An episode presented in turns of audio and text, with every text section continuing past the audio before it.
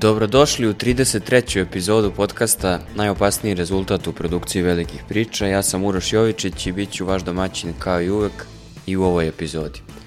U ovoj epizodi koja će biti svojevrsna sportska mučkalica jer nećemo govoriti samo o futbalu što radimo češće ili samo o košarci što radimo ređe ali radimo, već o različitim sportovima i različitim takmičenjima. Ovo je zanimljiv period godine jer se košarkaška prvenstva približavaju ključnom periodu za krajnji plasman, jer većina najvećih futbalskih prvenstava prolazi kroz važan zimski deo sezone gde se lako prosipaju bodovi i određuje kako će se ulaziti u ciljnu ravninu.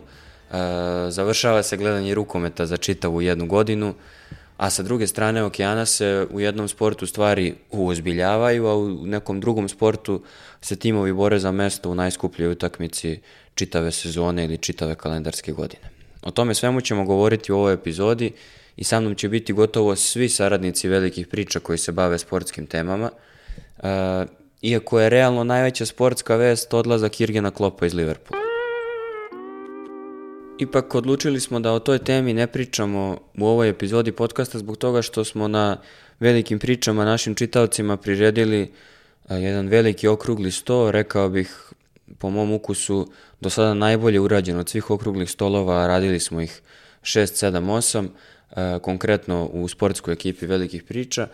Ovaj okrugli sto posvećen je svemu onom što je Klopp uradio od kad je došao u Liverpool, svemu što je postao u Liverpoolu, svemu što je od Liverpoola napravio, tako da toplo preporučujem svim čitaocima i slušaocima da, da se pretplate na velike priče i pročitaju taj tekst. Zbog toga čitava ova epizoda neće biti posvećena Jirgenu Klopu, iako smo odlučili da epizodu počnemo pričom o njemu. E, Jurgen Klopp je seo pred kamere i otvoreno se obratio navijačima Liverpoola i rekao da odlazi iz kluba. To je nešto što nije uobičajen način komunikacije, iako je brzo posle njega Ćavi uradio nešto slično, doduše ne tako važno i ne tako pred kamerama, ali unapred najavio odlazak e, na leto, pa ćemo vidjeti da li će to postati neki trend, ali da, Klopp je Klop je sklon tome da postavlja neke trendove i ovo što je on uradio nije uobičajeno, ali je sasvim logično. Ono što je Klop uradio od prvog dana kada je došao u trening centar Liverpoola jeste činjenica da je on napravio e, porodičnu atmosferu koja vlada u klubu, u timu, e, u stafu, među navijačima Liverpoola, čak i među onima koji e, mrze Liverpool, vlada mišljenje da, da u Liverpoolu postoji takva dobra atmosfera i da je Klopp apsolutno generator čitave te pozitivne energije i takve atmosfere i onda je njegova odluka koju je doneo, a detaljno objasnio razloge zbog kojih želi da ode iz Liverpoola, e, bila potpuno logična da to uradi na takav način. Klopp je rekao da je još u novembru, kada je sa e, front officeom kluba seo da pravi planove za leto i za letnji prelazni rok i za summer camp i za sve ostalo, da je tada shvatio i prvi put mu je na um palo hm, da li će uopšte biti ovde u tom trenutku i da li je možda vreme da ode. E, kada je to rekao svojoj supruzi Uli, ona je bila šokirana i zapravo malo je ljudi koji nisu bili šokirani tom njegovom odlukom u klubu su svi bili šokirani, a njegova porodica takođe, a malo je i navijača koji su mislili da, da je Klopp spreman na tako nešto. E, prve reakcije navijača Liverpoola bile su zanimljive, bilo je i onih koji su ga totalno razumeli i podržali i rekli ako on ne osjeća da više može da da ono što je davao do sada, to je stvarno ogromna energija i fantastičan način na koji je vodio sve te ljude i koordinisao čitavim projektom, onda neka ide. S druge strane, bilo je i ljutnje jer e, potpisao je nedavno novi ugovor i delovalo je da delovalo je da je Klopp u stanju da radi ovaj posao bezgranično i to je zapravo jako dobra priča o burnoutu koji se spominje nakon te klopove, nakon njegovog announcement'a i burnout jeste zapravo e, proces ko, u kome čovek sagori, a da ljudi oko njega i ne shvate da je sagoreo. Klop je rekao da je, da je on normalan tip koji došao je kao normalan tip u Liverpool, od, odlazi iz kluba kao normalan tip, ali normalan čovjek koji ne živi normalan život i da ima želju da ga, da ga živi, on ima 56 godina i e, 57 puni ove godine, tačnije, i logično je očekivati da posle jednog vrlo intenzivnog perioda odluči da se da ode na odmor. Ono što je važno za navijače Liverpula, ali i za sve ostale koji sada spekulišu gde bi klub mogao da ode, on je rekao da kada bi ga sada pitali, on se više nikada ne bi bavio trenerskim, odnosno menadžerskim poslom. I to je super objašnjenje i potvrda da je on zaista došao do kraja svojih energetskih kapaciteta. Prosto, uh, neke baterije mogu da se pune bezgranično i onda samo u jednom trenutku shvatite da vam je ostala još maksimalno jedna polusezona. Ono što je dobro u ovoj njegovoj odluci za navijače Liverpula jeste e, činjenica da ovakva odluka i ovakav emotivan pristup može samo da motiviše tim. Klopp je pre nego što je objavio to u javnosti razgovarao i sa timom i koliko god on insistirao da utakmice do kraja sezone ne bi trebalo da budu posvećene njemu e, i kapiten E, Liverpoola Virgil van Dijk je rekao da da će svi biti dodatno motivisani u narednom periodu. E, Klopp je došao u Liverpool u oktobru 2015. godine i od tada je totalno promenio klub. Klub je bio, i to možete detaljno da čitate u tom tekstu u okruglom stolu na velikim pričama, klub je do tada bio, onako nije imao, pre, pogotovo pre Brendana Rodgersa, nije imao jasan identitet u koji se totalno mečovao sa onim što, što navijači Liverpoola žele da njihov klub predstavlja i sa onim što oni žele da emituju kao, kao svoj navijački ljudski senzibilitet. Onda je došao Klopp i održao prvi sastanak sa igračima na koji je doveo kompletno sve zaposlene u njihovom trening centru i čistačice i domare i, i ekonome i e, sve ih predstavio ekipi i objasnio koliko je zapravo važno da, da Liverpool funkcioniše kao jedan tim u svakom delu strukture i da, da igrači shvate koliko veliki i, i dubok sistem zapravo stoji iza njih. E, I od te pobede, a to je bila prva mala pobeda, kada je rekao da hoće one koji nemaju poverenja da pretvori one koji duboko veruju, Klop je prešao nekoliko stepenika kojima je to uspeo. On je e, dovukao tim do finala Lige Evrope e, i imao nekoliko situacija u kojima je došao do pred sam cilj, a onda nije uspeo da ga ostvari svaki put po pravilu nakon toga uspevao je dodatno za još jedan stepen da podigne i atmosferu i veru u, u tim. On je izgubio neka finala, izgubio je neke šampionske trke, ali uradio mnogo bitne stvari za Liverpool, za njegovu istoriju, osvojio prvu titulu posle 30 godina čekanja, e, odigrao je brutalne sezone u kojima je uz Manchester City dominirao nad ostatkom lige, uspevao nakon nekih sezona koje nisu bile za pohvalu da ponovo okupi e, ekipu, da je ponovo motiviše, da ponovo napravi koheziju i da radi velike stvari, postao je prvak Evrope, izgubio neka finala Lige šampiona, kažem, ali uradio mnogo na tome da navijači Liverpula ne budu percipirani sa strane, iako to ne može mnogo da se promeni kod drugih koji ne vole Liverpool, ali da se i oni ne osjećaju kao neke patetične budale koje zauvek navijaju za tim koji nikada ne može da pobedi. E, ja sam to napisao lično u, u, kao, kao ličnu perspektivu u okruglom stolu.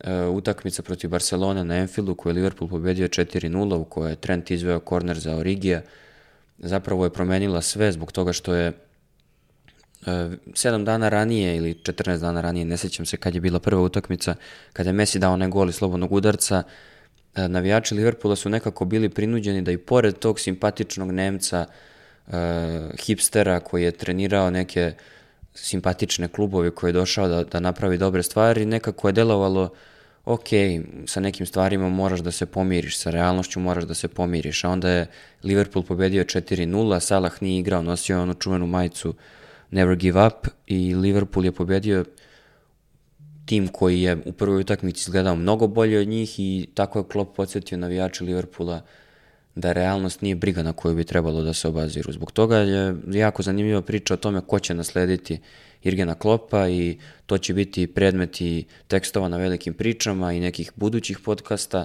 o tome se uveliko sada govori. Postoje neke navodno insajderske informacije o tome da je uh, da je prošla sezona bila Klopov strike 2 i da uprava već neko vreme sprema zamenu, pa im ovo nije mnogo teško palo. Meni to zvuči malo naivno, mislim i svim ostalim autorima na velikim pričama, iako bi svaka normalna uprava bilo kog ozbiljnog kluba morala da se bavi alternativama i da uvek ima neko poluspremno rešenje. Upravo zbog toga što se govori o tome da je da Liverpool već neko vreme sprema zamenu za Klopa, imena koja se sada vrte u opticaju, pre svega Xabi Alonso, koga smo i mi svi istakli kao prirodnog i najboljeg naslednika, ali i Dezerbi i još neki ljudi nisu u tom krugu, jer kada je počelo na tome da se radi, oni nisu imali ovakav status, a i u tom trenutku e, taj trener koji bi trebalo da nasledi Klopa, navodno bio je prevelika riba. Mm, to ostavlja dosta prostora za tumačenje i pitanje prvo da li su te insajderske informacije tačne, ako jesu ostavlja mnogo prostora za tumačenje ko bi to mogao da bude, izbor se sužava ako nema mnogo velikih riba u trenerskom poslu kada je futbol u pitanju, tako da, a naročito onih koji bi mogli da vode tako veliki klub, tako da ostaje to kao otvoreno pitanje i to zapravo ko će naslediti Jirgena Klopa mnogo će uh, odrediti sudbinu Liverpoolu u narednih 5 do 10 godina, a vi pročitajte u tekstu na e, velikim pričama ko je predvideo od nas kada će Liverpool osvojiti prvu sledeću titulu i kada će prvi sledeći put postati šampion Evrope. Sada kad smo završili sa klopom, da se prebacimo na, na neke druge teme, neke druge sportove i neke druge tuge, ako to tako može da se kaže. Za to će mi biti potreban čuvar tuge u zimskom periodu, čovek koji e, piše o nostalgičnim vremenima često na velikim pričama, nevažno da li se ta vremena odnose na period u Sarajevskoj ulici kada je bio boj toj tokom bombardovanja ili u Motor Cityu gde su razni drugi bili recimo to tako iskorišćeni i upropašćeni kada recimo igraju Pistonsi. E, sa mnom je i to sa velike udaljenosti, mnogo veće nego inače, Miloš Jovanović koji će nam govoriti o košarkaškom derbiju koji su u ABA ligi odigrali Crvena zvezda i Partizan. Ćao Uroše, nadam se da si dobro ovaj dan i da je sve tamo kako treba i kako valja, a siguran sam da jeste kako valja znam da su rezultati otešli u tvoju korist. Da pričam malo o ovom drugom, ovo sezonskom derbiju u ABA ligi Crvena zvezda pobedila je rezultatom 88-86 i znaš kako, rezultat izgleda dosta tesno, ali u realnosti Crvena zvezda je vodila bolji deo utakmice, 20 poena čak u jednom momentu, 17 na polovremenu, čini mi se 14, 15, 16 i onda je tako ovaj, ušlo jedan period letargije pred kraj utakmice koji je rezultovao povratkom Partizana, ali ajde, bolje da prvo pričamo onako što se kaže na tenane o svemu. Pa prvo, za Crvenu zvezdu je bio dosta važniji derbi. Um, ne kažem da je za Partizan nevažan, ne postoji stvar koja je nevažan derbi, kakav god bio, kakvo god stanje na tabeli bilo, ali ne verujem u to, ne verujem, da, ne verujem u nevažne derbije, međutim Crvene zvezde je zaista ovo mnogo značilo. Skori rezultati u Euroligi što se zvezde tiče nisu bili povoljni uopšte, e, tim je zaista pretrpeo jedan težak porez, mogu, može slobodno se reći težak porez u Berlinu i e, Jadranska liga je sada manje više preost... Mislim, ok, postoje uvek teorije, naravno, u Euroligi da će nešto da se uradi, ali sad se to stvarno sve svodi na teoriju.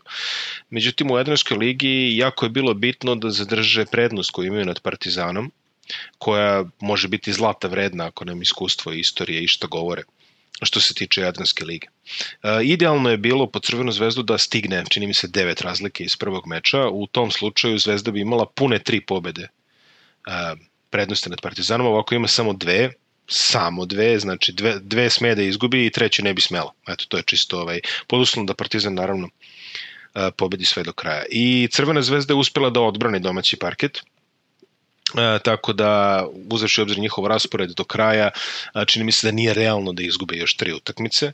E, test biće naravno utakmica protiv Podgorička budućnosti koja je već sledeće kolo, ali dobro, o tome ćemo pričati nekom drugom prilikom. Videli smo opet dve crvene zvezde, e, videli smo jednu koja je vrlo sposobna da, da odigra u nekom visokom ritmu i kada sve to funkcioniše, to izgleda stvarno lepo. Naravno, veliki faktor u svemu tome bio je Miloš Teodosić, koji je opet odigrao jednu izuzetnu lidersku rolu. E, opet je zaista bio to vezivno tkivo na parketu za košarkaša Crvene zvezde i kada on igra, e, sve zaista funkcioniše bolje ne može ništa više da se kaže. Teodosić ima neke momente u kojima možda ga šut ne ide baš kako bi išlo i možda ponekad i pretera u prebrzoj egzekuciji, ali ovo je stvarno ako moramo možda tražimo neke dlake u jajetu. Uh, njegov značaj za igru Crvene zvezde ove sezone je enorman ali bukvalno je norman. On, on kontroliše sve i u odbrani, ne stiže toliko, slažem se, ali ipak ume da onako malo što se kaže kvotrbekuje iz odbrane. I onda sve to izgleda nekako jako bolje, povezanije i čini se da Crvena zvezda kad je on na parketu ima zaista šanse da napravi nešto. A, dva igrača koje bih volao da istaknem takođe su Joe Bolomboy jedan kod koga se apsolutno ništa nije očekivalo u početku sezone doveden da je manje više kao neko ono, jeli, popunjavač rostera. Evo ga sada prvi je centar, double-double učinak, 14 poena, 13 skokova, nekoliko izuzetnih zakucavanja i ono što se može preći pohvalno za njega je to da on nikad ne odustaje. Za njega nema izgubljene lopte, bukvalno u napadu. Čovjek se bora na svakom skoku, imao je pet ofenzivnih skokova, što je zaista fenomenalna statistika. E, čovjek učestvuje. Učestvuje bukvalno uvek i stalno i to je ono što najpozitivnije što se može reći za njega. Nedović imao 11 poena, većinu sa slobodnih bacanja iz polja nije bilo toliko raspoložen, a sve bolje i bolje je Rokas Gedraitis koji je dobro počeo sezonu pa je malo nešto potonuo i sad se opet pronalazi, ima, ima dosta minuta, boga mi i na 3 na 4 poziciji, naporno je za njega dosta. E, roster nije dovoljno dobro kalibrisan da bi se njemu pružila podrška, ali bože moj, to ide tako. Naravno, e, reč dve o Jagu, e, heroju meča koji je rešio onim polaganjem, realno gledano iz mog ugla do tog, do tog spektakularnog finiša nije nikad ni moralo da dođe. Ali Crvena zvezda je, kao što sam rekao, prikazala dva lica. Može da igra vrlo fokusirano, može da igra vrlo kvalitetno, vrlo organizovano, a onda u 10 minuta sposobni su da prokockaju 20 razlike, I to je vrlo frustrirajuće za navijače Crvene zvezde i vrlo je frustrirajuće za trenera uh, Janisa Sferopolosa koji verujem da nije bio najzadovoljniji kako je se ovo sve završilo, jeli, uh, po njegovu ekipu, ali što se kaže, na kraju pobedi se zube ne gleda, Crvena zvezda se stabilisala, odbranila je tu vrlo ključnu, vrlo vitalnu prednost domaćeg terena u Jadranskoj ligi koji će najverovatnije poneti u play-off, osim ako kažem zaista ne dođe do nekih nepredviđenih uh, situacija i može mirne duše u duplo kolo, a, koja će najverovatnije izgleda opet po poslednjim vestima odigrati bez Miloša Teodosića makar jednu utakmicu, tako kažu trenutni izveštaj. Miloš je dobio udarac na utakmici protiv Partizana i verovatno će morati da odsustuje sad. Ne znamo stepen toga, ne znamo ništa dalje. Prosto jednostavno, to trenutno tako deluje. Znaš šta je meni tu zanimljivo? Ti si sad dobro analizirao kako je Zvezda izgledala ne samo na ovom derbiju, nego i u, u prethodnom periodu. Uh, i koji su tu ključni igrači i kako se njihova forma kreće, ali meni je zanimljivo kako se zapravo kreće razmišljanje navijača Crvene zvezde oko toga ko je kriv. Što bi rekli Boris Noković i Severina, zar je važno ko je kriv, važno je. E, navijači zvezde su nekako, prvo kad je napravljena selekcija tokom leta, bili su vrlo zadovoljni time kako E, je sastavljen roster i delovalo je da jedini ko može da bude kriv i odgovoran jeste Duško Ivanović. I vrlo brzo se ispostavilo da je Duško Ivanović i proglašen glavnim krivcem. Posle je, e, nakon što je Duško oteran, e, krivica prebačena na Šabaza Nejpira. On je bio nekako najzvučnije i valjda najskuplje pojačanje koje je Zvezda dovela, pa je bilo logično da se drvlje i kamenje pro, prospe po Neipirovoj glavi. Onda je Neipir otišao gde mu je srcu drago i da mu je očigledno bilo mnogo draže nego u Beogradu, onda je počelo da se govori o lošoj selekciji, ali nekako kad se govori o lošoj selekciji ne targetira se dovoljno jasno ko je tu selekciju napravio, da li sportski direktor, da li predsednik kluba, da li neko treći i e, tako se u krug vrti čitava zvezdaška javnost oko toga ko je kriv, a taj period vrtanja u krug traje već neko duže vreme traje možda i duže od dve sezone, e, s tim da je prvo to traženje nekako pozitivno završeno po Crvenu zvezdu kada je osvojila jadransku titulu. Prošle godine e, se je počela sezona kako je počela, na kraju je Zvezda ostala bez jadranskog trofeja. Ove godine ponovo traženje, ponovo doselekcija, selekcija Zanimljivo je koliko su zvezdini navijači u tom smislu senzitivni. Dođe Javonte Smith i posle odigra prvo svoje polovreme u dresu zvezde protiv Baskonije sjajno, onda čovjek je tu, jedva je naučio kako se koji igrač zove, kako se koja akcija zove i već se traže mane i već se smatra da je on odgovoran za poraz od Albe, što je meni super zanimljivo, jer iako je doneo on loše odluke, ne može igrač koji je tu manje od mesec dana za bilo šta da bude kriv zapravo je najveći zajednički delilac ili najmanji zajednički sadržalac, kako volite, u celoj priči to lutanje zvezde koje traje ili traje. Partizan je mnogo stabilniji u tom smislu, mnogo manje luta, ali ne cveta baš cveće ni u njihovo preduzeće, zar ne? Što se Partizana tiče, uh, opet su ušli dosta letargično u prvo polovreme. Uh, to se desilo i u derbiju u Euroligi.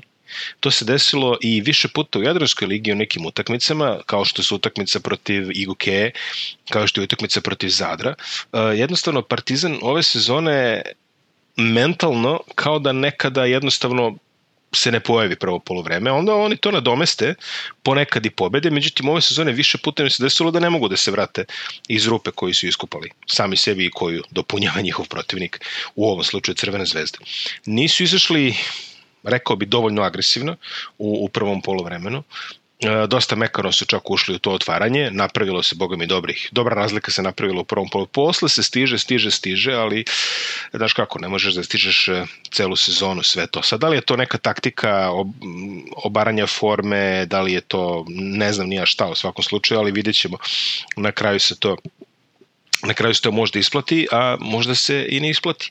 A, svetla tačka u sastavu Partizana, ako izuzmemo a, a mislim, izvinjam se, nekako izmenem, kako saberemo sve utiske, a, je najverovatnije Frank Kaminski, koji ima nekih problema sa minutažom u poslednje vreme i bila ona kemio, što, što bi rekli, onaj, bezmalo petosekundni tamo protiv Paratinaikosa, međutim Kaminski je pogodio sve šuteve, 6-6 e, za 2, 2-2 za 3 i ukoliko bi on mogao da dotera svoju agresivnost i igru odbrani na nekom nivou koji bi bio zadovoljavajući, on bi stvarno bio veliko pojačanje za Partizan ako on može da isterati nivo energije, on stvarno na osnovu nekog čistog skila, da tako kažemo, jako kvalitetno rešava situacije pod košem i pokazuje da može i da pogodi s polja. Znači, to je definitivno kvalitet, samo pitanje mora bi, mora bi malo da moram je malo da poradi na toj agresivnosti. A Nanal je odigrao odličnu partiju, 19 poena, imaju one hladnokrvne penale tamo a, pred kraj. A, to je bio i PJ Dožer, to je bio Panter sa 14, on se malo probudio u tom preokrutu. Vramović je isto odigrao a, korektnu, a, korektnu utakmicu tamo pred kraj. Uh, ostaje pitanje šta je sa Ponitkom, opet je odigrao vrlo malo, 20 sekundi, da li je povreda, da li je nešto peto, da li se jednostavno ne uklapa, ne znam.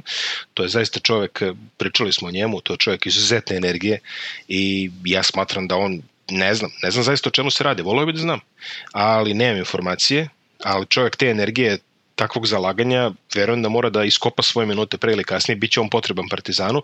I videli smo jako malo Bruna Kabokla, koji je bio starter, ali nije ostavio neki pretirani utisak, završio na kraju bez poena. Tako da Partizan će morati da dobije nešto više. Ako bi Partizan, od, od tih igrača koji su smerili, ako bi Partizan mogao da zadrži svoje nivoje agresivnosti koje je prikazao tokom ovog povratka, makar da ih transkoduje na 25-30 minuta, ne samo na 10-15, mislim da bi bio u drastično boljoj situaciji u utakmicama koje će tek slediti. No dobro, šta je to je? Partizan trenutno malo bolje izgleda u borbi, stvarno ne malo, malo više bolje izgleda u borbi za taj eh, za prvih 10 mesta u Euroligi. A, eh, vidjet ćemo šta njima donose dani koji idu. U svakom slučaju rasplet u oba takmičenja sledi vrlo brzo i naravno pričat ćemo o tome na ovom mestu u ovom podcastu neki drugi dan, ali sad ovo je bilo samo pregled što se derbija tiče, znači završni zaključak, Crvena zvezda može biti zadovoljnija, a Partizan će morati da vidi kako će da strategiše do kraja sa ovime što ima, jer čini mi se da im e, izmiče visoka pozicija, mislim najviša pozicija u Jadranskoj ligi, a pravi obračuni o Eurolizi, Eurolizi tek ne ilaze. Znaš kako, ja mislim da, da neki porazi koje Partizan doživljava ove sezone, koji jesu teški, uh, ali ostavljaju samo kratkoročne posledice, upravo iz te stabilnosti koju sam spomenuo, koja je veća nego u slučaju Crvene zvezde, njihovog večitog rivala, navijači Partizana su nekako mirniji zbog toga što, ok, ima mnogo preokreta, mnogo turbulencija, ali veruju Željku Obradoviću i veruju u igrače koje on sačuvao i u igrače koje je doveo i veruju da će proigrati i neki koji, kojima ono, dali su očigledno preveliki kredit ili oni makar tako smatraju.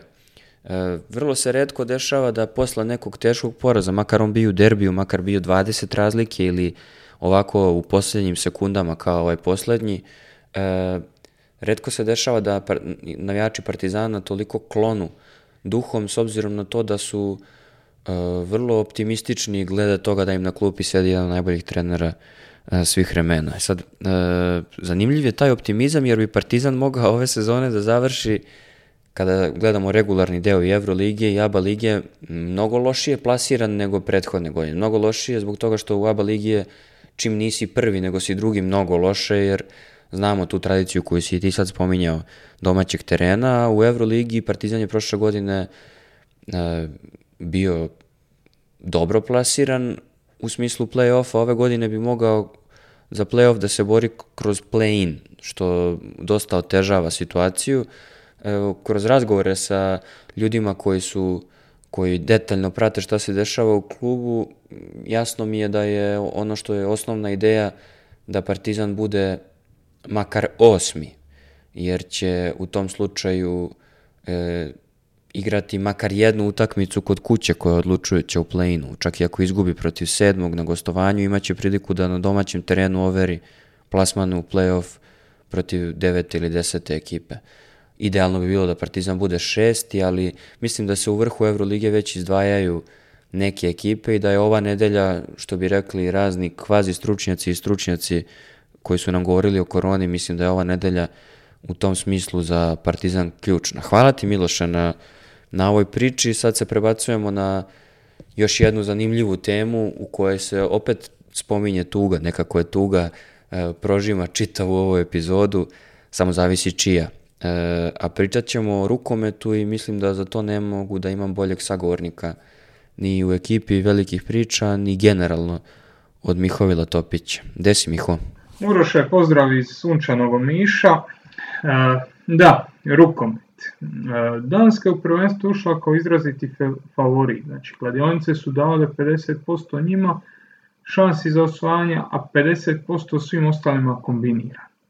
Na kraju je titulu prvaka Evrope odnijela Francuska, a finale je najbolje opisao Gitzel koji je rekao da su Francuzi bili fizički prejaki. Uh, Danska je momčad s najviše talenta i Danska je momčad koji igra najljepši rukomet, ali oni su već u polufinalu se susreli sa problemom s obranom.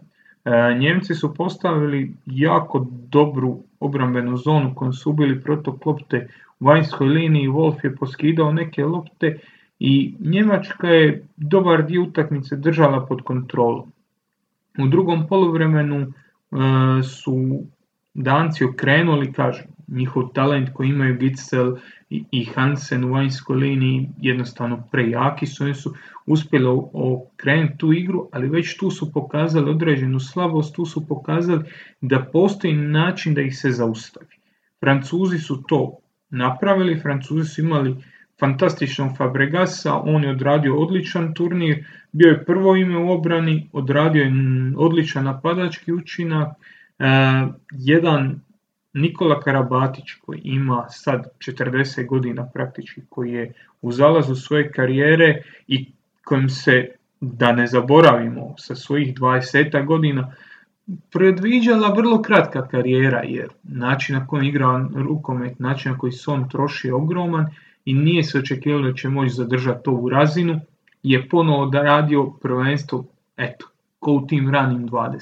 Odigrao je ključne role kad se trebalo odigrati, odradio je e, odličan i obrambeni i napadački e, segment i u finalu je bio jedan od ključnih ljudi, tako da Francuzi zasluženo nose e, zlatno odličje i praktički pripremaju se za olimpijske igre u Parizu, nešto što će biti kruna, kruna Karabazićeve karijere i njegovo zadnje natjecanje. Tu će im opet glavni e, suparnici biti Danci, e, vidjet ćemo koliko će se Danci adaptirati za to, ali ponovit ću po možda treći put njihov napadački talent je najveći, imaju dva odlična golmana i oni će biti najozbiljnija konkurencija e, Francuzima, a uz to nije da imamo još puno, e, puno velikih reprezentacija. Njemačka, Švedska, Španjolska teško da se mogu nositi na, na duge staze sa Danskom i Francuskom. Ti si odlučio da kreneš od, od finala i od onog koji je postao uh, novi prvak Evrope i, i da se posvetimo onima koji su realno najvažniji igrači uh, u rukometnom svetu. Uh, ali ja bih volio da čujem šta misliš i o našima. Kad kažem našima, mislim na sve ove XU reprezentacije. Ko je po tebi tu ispunio očekivanja, a ko je totalno podbacio? Ima i takvih, nažalost. Što se tiče ovog našeg sektora, što se tiče više Jugoslavije, a pa možemo reći da su Slovenci i Makedonci odigrali nešto malo iznad očekivanja, daleko od nekog vrhunskog rezultata, ali ajde, blago iznad očekivanja. Crnogorci su ostali u okviru tog očekivanja, Hrvatska je isto ostala u okviru. Hrvatska je završila na 11. mjestu, tu negdje su je stavljali kladionice prije natjecanja, ali opet kod Hrvatske su ostala nekako promješana, promješan neki okus. S jedne strane postoji doza razočaranja jer Hrvatska je u prvom kolu razbila Španjolsku. Hrvatska je Španjolsku natrčala, pokazala je kvaliteta, moderan, brz rukomet, Da trčala je kontre, dolazila je u situacije da završava napade i to je stvarno postavilo neka, neka malo drugačije očekivanja nastavka turnira. U tom nastavku nije se baš proslavila, bila je ta utakmica sa Austrijom koja je na remizirala, bila utakmica sa Francuskom gdje se jako dobro držala, ali i tu je u ključnim trenucima prosula, prosula E, neke lopte i nije došao u situaciju da završi posao. Slična stvar je bila i protiv e, Mađarske. Tako da tu postoji ta nekakva podijeljenost. Da, doza je razočaranja, ali opet postoji i nekakav optimizam. Hrvatska je dobila Kuzmanovića, vjerojatno jednog od najvećih potencijala na e, vratarskoj poziciji, 21 godinu star dečko je branio fantastično, Bio je bolestan u zadnjem dijelu priprema, propustio je sam početak natjecanja, uključio se naknadno, ali čim se uključio pokazao je da njegove predstave u Nexeu su jako dobre, da nisu slučajne i da može tu parirati najboljim vratarima u ovom svijetu i on i Mandić, njegov vršnjak, su nekakav zalog za budućnost koju Hrvatska ima.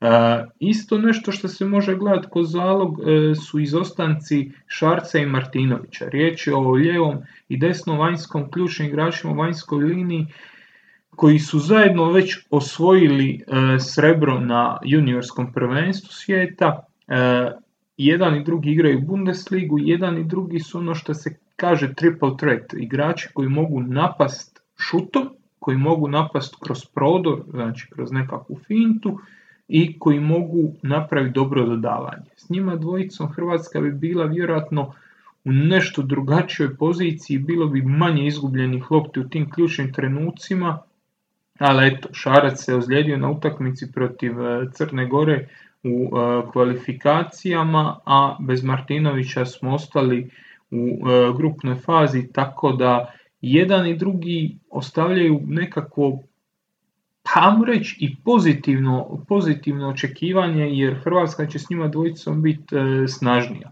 Hrvatska je dobila e, Verona Načinovića, jako dobrog pilota, nekoga koga možemo usporediti sa Fabregasom po tom utjecaju i količini toga šta donosi a, e, za reprezentaciju. Tako da... A misliš da bi te mlade snage mogle da nadoknade ono neumitan Duvnjakov odlazak koji se sprema? Da, E, dolazi kraj Duvnjakove eri, možda i zadnje njegovo natjecanje ako se Hrvatska ne uspije kvalificirati na olimpijske igre. E, Karačić isto se približava kraju, ostaje Cindrić na srednje vanjskom i ostaje ta e, jezgra reprezentacije koja nije nužno mlada jer Šarac, Martinović i ta ekipa ima već 24, 5, 6 godina. Oni lagano ulaze u svoj prime, ali imaju visok potencijal da se dokažu. Tako da, koliko god nije Hrvatska napravila nekakav rezultat i koliko god je to daleko od standarda koji su postavljeni, opet postoji ta doza optimizma. Pazi, znam te, namjerno si ove najgore ostavio za kraj. Nažalost najgore. Ostale su još dvije reprezentacije iz XU e, kvote, to su Srbija i BiH koje su jedna i druga odigrali ispod očekivanja. Srbija se rastala sa izbornikom Džeronom, u grupnoj fazi imala tri utakmice na jednu loptu i osvojila je samo jedan bod. U svim tim utakmicama na jednu loptu suparnik se izvlačio, suparnik je upisao dvije pobjede, imali su taj jedan remi. I sad, cilj nije ostvaren. Srbija je završila kao zadnja u svojoj grupi, e, to nije dobar rezultat i tu Španjolac definitivno snosi odgovornost. Ali Ono što se mora shvatiti da srpskom rukometu neće biti bolje jer je Gerona otišao. Pitanje odaziva, pitanje je zašto već godinama najbolji igrači nisu tu, zašto neki se odazivaju, neki nisu. Pitanje je razvoja talenata. Postoje li plan da se mladi igrači razvijaju kroz domaću ligu i da stvaraju situacije kroz koje se mogu pretvarati u elitne talente ili se to ipak sastoji od toga da ti vrhunski klubovi dođu i poberu između tih mladih igrača ono što se ima pobrat, a onda srpski rukomet ne može razvijati neki stil igre i ne može razvijati ono što je recimo Hrvatska imala kad su otpala dva prva beka, e, Hrvatska je imala e, Zagrebovu neku jezgru, imala je s jedne strane Zvonimira Srnu, s druge e, Klaricu i njih dvojica su mogle nastaviti u nekom stilu koji je u klubu zadan. Ja kod Srbije ne vidim da postoji takav nekakav stil, da postoji nešto što je određeno, a to bi se trebalo e, vući od razvoja talenata u vlastitoj ligi, a ne bacanja ih u različite sisteme, pa se neko razvija u Njemačkoj, pa se neko razvija u Mađarskoj, pa se neko razvija u Hrvatskoj, kao što ima par igrača koji tu dolaze, i onda od toga zapravo nema, te, nema tog zajedničkog nazivnika koji te veže. Na to se nastavlja i neokupljanje mladih selekcija, što je za današnje vrijeme i za modern rukomet graniči sa sramotom i to sigurno neće Džeronin odlazak eh, popraviti. Džerona eh, ima taj, taj nekaka, neku karizmu, on je atipičan lik za naš sport, eh, malo je previše nasmijan, malo je previše pozitivan, a malo je premalo ljut na cijeli svijet i fokusira na traženje krivca.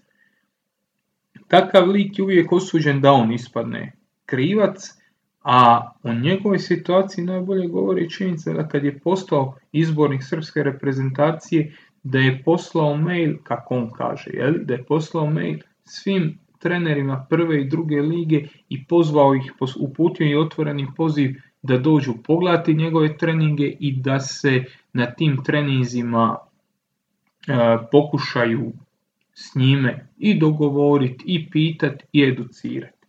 Kako on kaže, nijedan trener nije se odazvao i nijedan trener nije došao e, vidjeti šta se točno radi. Tako da iz te perspektive jednostavno srpski rukomet ima nekoliko jako dobrih igrača i srpski rukomet može imati budućnost koja može biti zanimljiva, ali ostavlja jako malo mjesta za optimizam, ostavlja jako malo e, nekog A onog zdravog, e, sretnog, e, normalnog pristupa, nečega što je Gerona dolazio, donosio sa sebom i taj njegov odlazak nekako meni ku outsideru gasi tu neku zadnju nadu da nešto se može dogoditi i da taj potencijal se može pretvoriti u nešto što se može sustavno iskoristiti i u neku klasu koja se mora potvrditi jer toliko dobrih igrača, a toliko mali, malo rezultata, to je pitanje na koje neko mora odgovoriti, a velike priče možda i nisu baš najbolje mjesto za tražiti krivce, možda bi u Savezu trebali prvo razmisliti o tome, pa onda mogu svi ostati. Hvala Miho, ti, ti uvijek umeš dobro da plasiraš i ozbiljan pesimizam. A, koliki je pesimizam oko srpskog rukometa i rukometne reprezentacije, to je ozbiljno težak zadatak, tako da izgleda mi da si uspeo u tome. To je ono kao kad te e, mama ili tata lupaju po guzi pre nego što dobiješ inekciju. Malo da te spreme za to da će da te boli, ali brzo prođe. Brzo prođe jer e, se realno rukometom ozbiljno i mediji i javnost bave samo dok traju velika takmičenja i nakon toga pojeo vuk magarca i onda se pamte reprezentativci i njihova imena od turnira do turnira, i, i nema tu prevelikog interesovanja kada je Srbija u pitanju uprko s nekim dobrim klubskim rezultatima koje je recimo Vojvodina ostvarivala. E, sad ćemo da nastavimo sa sportom u kom se lopta isto nosi u rukama i o tome će da nam priča Vlada Novaković. Vlada je za velike priče e, nedavno pisao tekst o stogodišnjici prvih zimskih olimpijskih igara. Sad će malo da priča o NFL-u i tako malo ga izbacujemo iz ležišta i evropskog futbala, a kad Lada priča o NFL-u, onda mora da se stoji mirno. A ako stoji mirno, daleko sam od mikrofona, pa te neću prekidati. Gde si? Pričaj, pucaj, najavi nam Super Bowl. Ćao, Ruše, drago mi je da sam drugi put u nizu malo zastranio od ovog evropskog futbala. Super Bowl 58 u Las Vegasu 11. februara će doneti ono što ja generalno najviše volim u um, ovakvim situacijama, dakle u play-offovima, u raznim takmičenjima, to igraće dve najbolje ekipe u ligi. San Francisco 49ersi će probati da se osvete Kansas City Chiefsima za poraz od pre četiri sezone kada su Chiefsi pobedili 31-20 u Super Bowlu 54, eto sada Super Bowl 58 koji se igra u Las Vegasu, bit će njihova šansa za osvetu. Hajmo redom, uh, Chiefsi su došli do mesta u novom finalu, svom četvrtom u pet godina, uh, u veoma teškim okolnostima s obzirom na to da su posle mnogo godina uh, tim koji nije bio najbolji u američkoj konferenciji i krenuli su sa treće pozicije posle niza zaista neuverljivih partija tokom sezone. Oni su se odrekli Tarika Hila na početku šampiona, to jest tokom uh, uh, u pauzi između dve sezone i to ih je uh, dramatično koštalo neverovatnog broja ispuštenih lopti koje je Mahomes bacao direktno na broj svojim saigračima, oni uspevali da ih ne uhvate pod raznim okolnostima i onda se dogodilo da Kansas City zabeleži veći broj poraza nego što su navikli i onda se dogodilo da su morali da idu u goste E, praktično prvi put su od prve Mahomesove sezone um, otišli u, u goste u uh, um, play-offu. To im se zaista dugo nije događalo, međutim to nije bio preveliki problem. Ali hajmo redom, pobedili su Miami na startu kod kuće u onoj legendarnoj utakmici u kojoj su obarani rekordi uh, istočne uh, strane Kanzasa i zapadne strane Mizurija po hladnoći gde se igralo na minus 20, a uz wind chill od minus 30 za početak, a onda se još spustila temperatura za 5-6 stepeni i tu je bilo jasno da jedna ekipa koja igra kao Miami sa ovaj, dugim pasovima, tu je za eh, dojučerašnjeg čifa eh, nisu mogli da urade posao s obzirom na to da eh, koliko god Tyreek Hill može da uhvati, jednostavno nemoguće igrati, samo pas igrao na minus 30 stepeni i tu je lagano Kansas City pobedio, međutim usledile su dva veoma teška gostovanja, najpre u Buffalo, onda u Baltimoru protiv dva tima koje su uh, držalo mesto broj 1 i broj 2 i oba su bila impresivno završena pobedama u kojima nije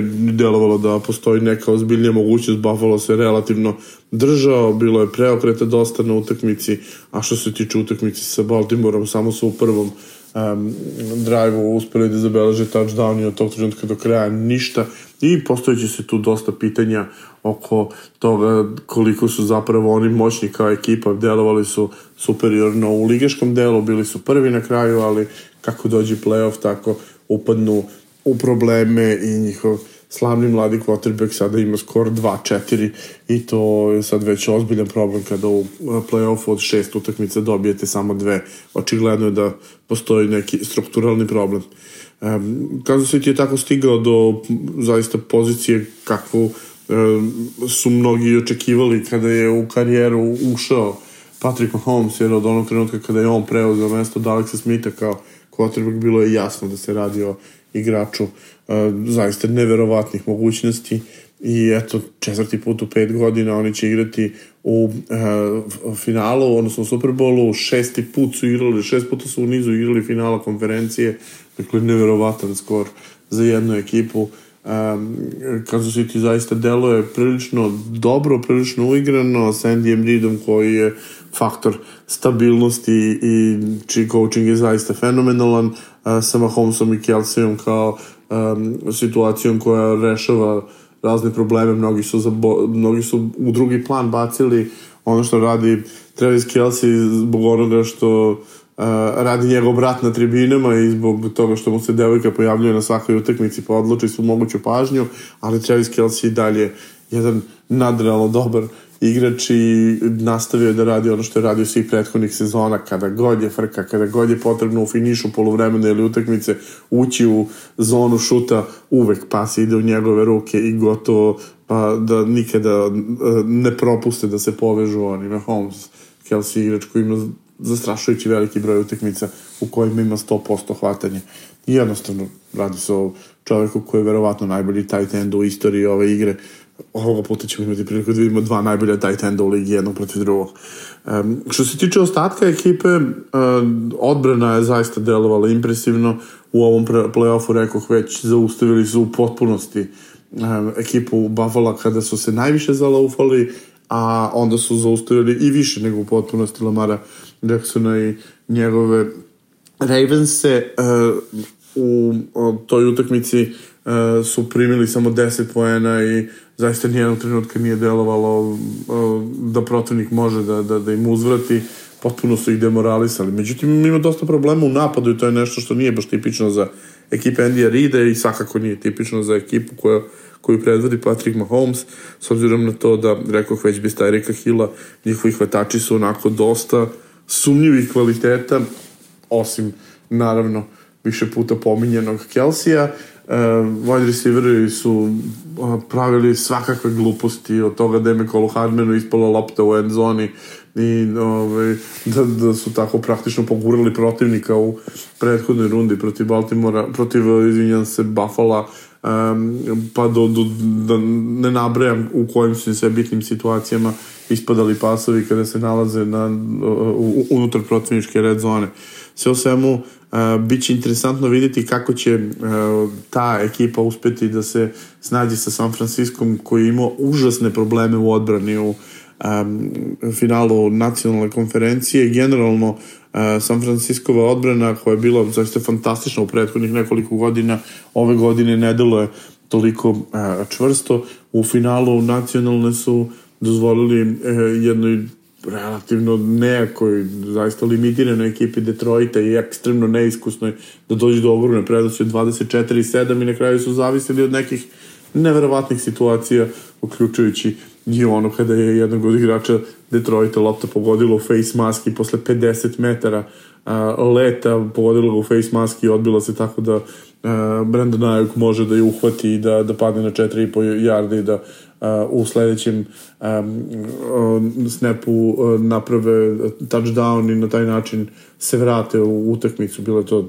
24-10, posle toga 24-17 i u tog trenutka je bilo jasno da Detroit nema nikakve šanse. San Francisco ima mnogo lakši raspored, prvo bili su e, pobednici nacionalne u, regu, u regularnoj sezoni i preskočili na prvu rundu play-offa, a u toj prvoj rundi u Wild Cardu su ispali Eaglesi, ispali su um, ispali su Cowboys i dva tima koji su mogli da im nekako naškode možda uh, i ostalo je praktično na kraju još kada su Lions sklonili Remse koji uh, imaju loš skor sa, sa ekipom San Francisco, ali bar uh, su ih pobedili na kraju sezone i imaju faktor X očigledan koji su pokazali u drugom delu ovog šampionata, bilo je jasno da je San Francisco ogroman favorit protiv Detroita i uprkos velikom minusu ostatak je bio zaista samo um, odrađivanje rutine, um, kako su preuzeli prednost posle toga, više nije bilo nikakve drame, otišli su na plus 10 i um, mirno sačekali kraj.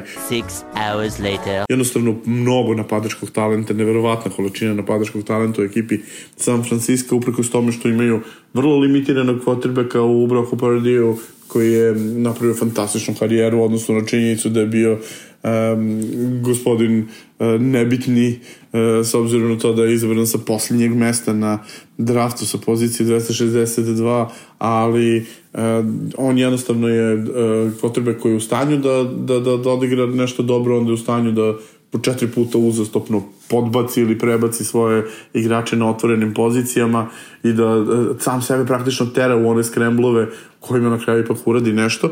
Međutim, nije toliko teško kada imate postavu kako ima ekipa e, San Francisco da vam quarterback skrembluje s obzirom na to da ima neverovatno da izbor igrača koje morate da pokrivate koga god da ne, ne pokrijete u problemu ste Um, San Francisco je um, do ovog nivoa stigao onoga trenutka kada je uspeo da upari Diba Samuela uh, sa Kristinom McCaffreyem.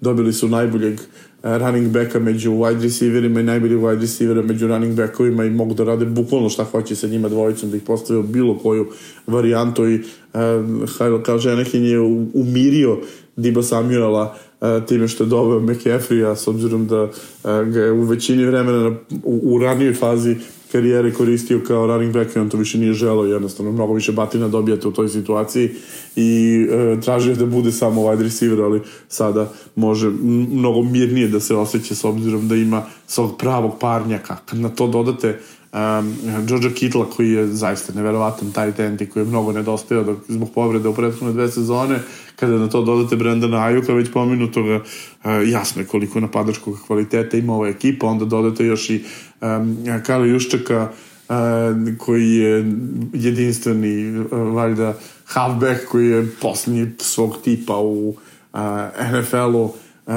koji zaista radi fantastičan posao pre svega u blokiranju ali nemojmo zaboraviti on je uh, uh, u toj prethodnoj utakmici kada su Niners igrali sa Chiefsima e, Super Bowl e, postigao touchdown dakle mnogo mnogo napadačkog talenta uklopite to sa odbranom u kojoj su Bosa, Armstead, Warner e, pa evo sada i Gervarius Ward koji je u tom Super Bowlu igrao na suprotnoj strani a evo sad će biti Niner to dosta dosta talenta se nalazi na obe strane u ekipi Kyle Shanahan koji je deo onog uh, neverovatnog paketa ljudi koji su trenirali uh, tadašnji Washington Redskins -e pod njegovim ocem, majkom iz, iz čega se izrodila uh, čitava jedna plejada uh, sadašnjih glavnih trenera u NFL-u, Lafleur, uh, zatim um, Mike McDaniel, da ne pominjem uh, ovaj, McVeja i tako dalje. E, Biće ih, ako se ne varam, šestorica sada u, u, u ligi od, od sledeće sezone. Uh, sve u svemu um, San Francisco ima priliku kako nije imao prošli put uh, jer su i oni jači a i Chiefsi su slabiji nego što su bili 2019. godine ali na strani Chiefsa je veliko, veliko iskustvo koje su stekli u svim tim odlučujućim utakmicama i ja očekujem zaista pravi spektakl ono što je sigurno um, Poslednja odbranjena titula u istoriji Superbola je zabeležena 2004. godine, kada je Detroit to uspeo, dakle 19 godina, to je sezona 2004, dakle u februaru 2005. Dakle, 19 godina se čeka to. Uh, Green Bay, Miami, Pittsburgh i Pittsburgh su to uradili u prvih 12 godina, a onda u sledećih 30 San Francisco, Dallas, Denver i New England, a onda u sledećih 20 niko. Dakle, uh, vrlo redka situacija u kojoj bi neko odbranio i ukoliko to Kansas City uspeo, ovo je definitivno njihova era. Um, situacija je trenutna da uh, Chiefs igraju šesto finale, Ninersi osmo, jedni drugi po dva poraza. Ninersi dugo čekaju titulu, s obzirom na to da su a, poslednji put šampioni bili još davno, davno u vreme kada je tek a, odlazio Joe Montana 94. E, godine, bila je to peta titula u, u 14 godina za njih, ali od tada, kao što rekoh, niti jedna. Oni su tamo u periodu 11. 13. imali tri veze na konferencijska finala, uh, čak stigli do jednog Superbola, a sada četiri Superbola u pet godina. Ove, definitivno ekipa a, e, koja je takođe obeležila ovu eru i zaista je bilo veliko pitanje kada će se desiti konačno da se sastanu ova dva tima i a, e, verujem da će publika moći da gleda, a mislim da će publike biti mnogo s obzirom na faktor Taylor Swift i svega što, on, što ona donosi sa jedne strane na, na faktor Superbola i mnogi ljude koji će doći tu malo da gledaju Ašera kako peva i Ribu McIntyre kako peva himnu, a da e, na to dodamo i u samu utakmicu e, ono što što se projektuje to je da će ovo biti najgledanija utakmica u istoriji, a verovatno i da će da sruši e, sletenje na mesec sa prvog mesta najgledanijeg događaja u istoriji, rekao bih da je e, zaista više nego zasluženo kada se vidi ko će igrati u toj utakmici. 29-28 je za nacionalno trenutno, dakle, e, ukoliko Kansas City pobedi, biće nerešeno, ukoliko San Francisco pobedi, biće 30-28, s tim što ne treba zaboraviti da je nacionalna tu razliku napravila tamo upravo u eri Joe Mandane kad je od 84. do 96. imala 13 titula u nizu, Američka je uspešnija u poslednje vreme.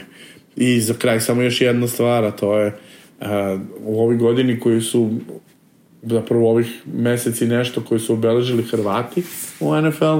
Bill Belichick je napustio New England prvi put u ovom veku, e, Nick Saban se penzionisao, ipak jedan Hrvat je u centru pažnje, Bill Vinović, biće sudija utakmice um, i to je, eto, veliko priznanje za njega, on je sudio onaj prethodni meč, nisu navijači San Francisco bili zadovoljni njima, ali ovi, morat će da se snađu, eto, posle četiri godine i Bil Vinović se baš kao i oni vratio na, na najveću scenu. Tako da, potičem još jednom, Las Vegas 11. februar, Super Bowl 58, San Francisco 49ers protiv Kansas City Chiefs. Hvala Vlado na, na ovoj detaljnoj analizi. E, vidjet ćemo da ubacimo onaj efekat iz Sunđer Boba, pošto mislim da će na, da je na početku već pušten efekat iz Sunđer Boba da će ovaj drugi biti ono Six Hours Later. E, ostajemo na istom kontinentu i bavit ćemo se drugim američkim sportom, e, ne po popularnosti, pošto je možda i treći po popularnosti, iako je to ljudima kod nas teško da shvate, ali pričat ćemo malo o NBA ligi i o jednom zanimljivom trendu, pošto u poslednje vreme imamo ludilo kakve utakmice, kakve individualne partije pružaju neki igrači, imamo 70 poena da ovaj, 60 da onaj, 100 da onaj, još malo će stotku neko da prebaci, tako da ćemo o tome razgovarati sa Tonijem Lazarušićem. Gde si Toni? Pozdrav Uroše tebi i slušateljima podcasta. Da, u zadnje vrijeme stvarno smo svjedoci nečega što Amerikanci nazivaju scoring spree, odnosno veliki broj poena se postiže na NBA utakmicama i događaju se stvarno neke nevjerojatne igračke performanse što se tiče scoringa. Pa evo, samo u zadnje vrijeme, znači tamo negdje od sredine 12. mjeseca pa evo do kraja prvog imali smo čak pet velikih e, performansi od pet različitih igrača, dakle u vrlo kratkom vremenskom periodu i mislim da će se taj trend što se sezona bude približavala kraju čak i, čak i nastaviti. E, dakle, prvo smo imali Janisa koji je zabio 64 poena, a onda su u dvije različite večeri četiri igrača zabili nevjerojatan broj problem, poena. Dakle, prvo 22. prvog je Embiid zabio 70, a Towns je zabio 62, a zatim su 26. prvog Dončić i Buker odradili svoje, kao što znamo, Luka je zabio 73, a Buker 62. Ono što je interesantno za sve te utakmice je to da su upravo bile na ogroman broj poena, ono što sam rekao u uvodu. Dakle, što više poena jednostavno pada na utakmicama, veće su i šanse da dođe do ovakvih individualnih E, trenutaka magije ovih pojedinaca. Pa je tako, recimo, utakmica Dallas i Atlanta završila 148-143 za Dallas. E, Milwaukee i Indiana su igrali utakmicu koju je Janis zabio 64 na 140-126. E, utakmicu koju je Embiid zabio 70, Philadelphia je zabila 133 poena, Spurs 123 i tako dalje. Uh, Čekaj, hoćeš da kažeš da je onda i broj poena najjačih napadačkih opcija srazmerno porasta, to bi bilo logično. Ako pričamo o tome da se daje 500 poena po utakmici, ranije se davalo značajno manje, logično je da on, možda je logično jel, da, da onda neki igrači koji uzimaju najviše šuteva i postižu više poena nego što je to bilo kada su se utakmice završavale rezultatom 112-103. U globalu se radi sve o lošim defenzivnim ekipama. I Hawksi koji su dobili od Lončića 73, i Spursi koji su najlošija defenzivna ekipa u ligi, Embiid im je zabio 70 i Pacersi su dva puta fasovali od Janisa i Bukera, dakle radi se o, o dosta lošim obrambenim ekipama. Ali neovisno o tome trend je prisutan. Trend je prisutan i više se nitko ni ne okrene kada igrač zabije 40. To je postalo ono što se kaže novo normalno. Na 50 će se već neko malo iznenaditi, ali ni to više ne, ne impresionira toliko. Sad su prave stvari kad se zabije 60 ili 70 poena, što je u zadnjih nekoliko godina postao stvarno trend. E, koliko su ove, koliko je riječ o trendu i, i koliko ovakve utakmice pojedinaca ulaze u mainstream najbolje oslikavaju e, dvije stvari. Prvo da je Michael Jordan, za kojeg se vjerojatno možemo složiti da je bio najbolji skorer svih vremena, e, je 1987. zabijao 37 poena po utakmici i to je e, rekord, to je i njegov individualni rekord u, svoj, u njegovoj trećoj sezoni. E sad, imamo 2024. godinu u kojoj Joel Embiid zabija 36 pojena po utakmici. Dakle, da nam je netko prije 10 godina rekao da će Jordanov rekord biti u opasnosti, vjerojatno nitko ne bi vjerovao. Ali isto tako, trenutno u ligi imamo, baš sam malo istražio, 45 igrača koji zabijaju 20 poena ili više samo prije pet godina unazad u godini kad su Raptorsi uzeli titulu 31 igrač je zabio 20 poena ili više. Dakle, imamo 45 igrača danas, 31 igrač, 31 igrač prije 5 godina, a ovo je sad zanimljivo, prije 10 godina, kada su Spursi bili zadnji put prvaci, samo 19 igrača je zabijalo 20 poena ili više. Inflacija, vrate, ili hiperinflacija. Inflacija, to je jednostavno najbolja riječ koja, koja opisuje ovaj novi trend, a koji je jednostavno došao kao nekakva evolucija košarke.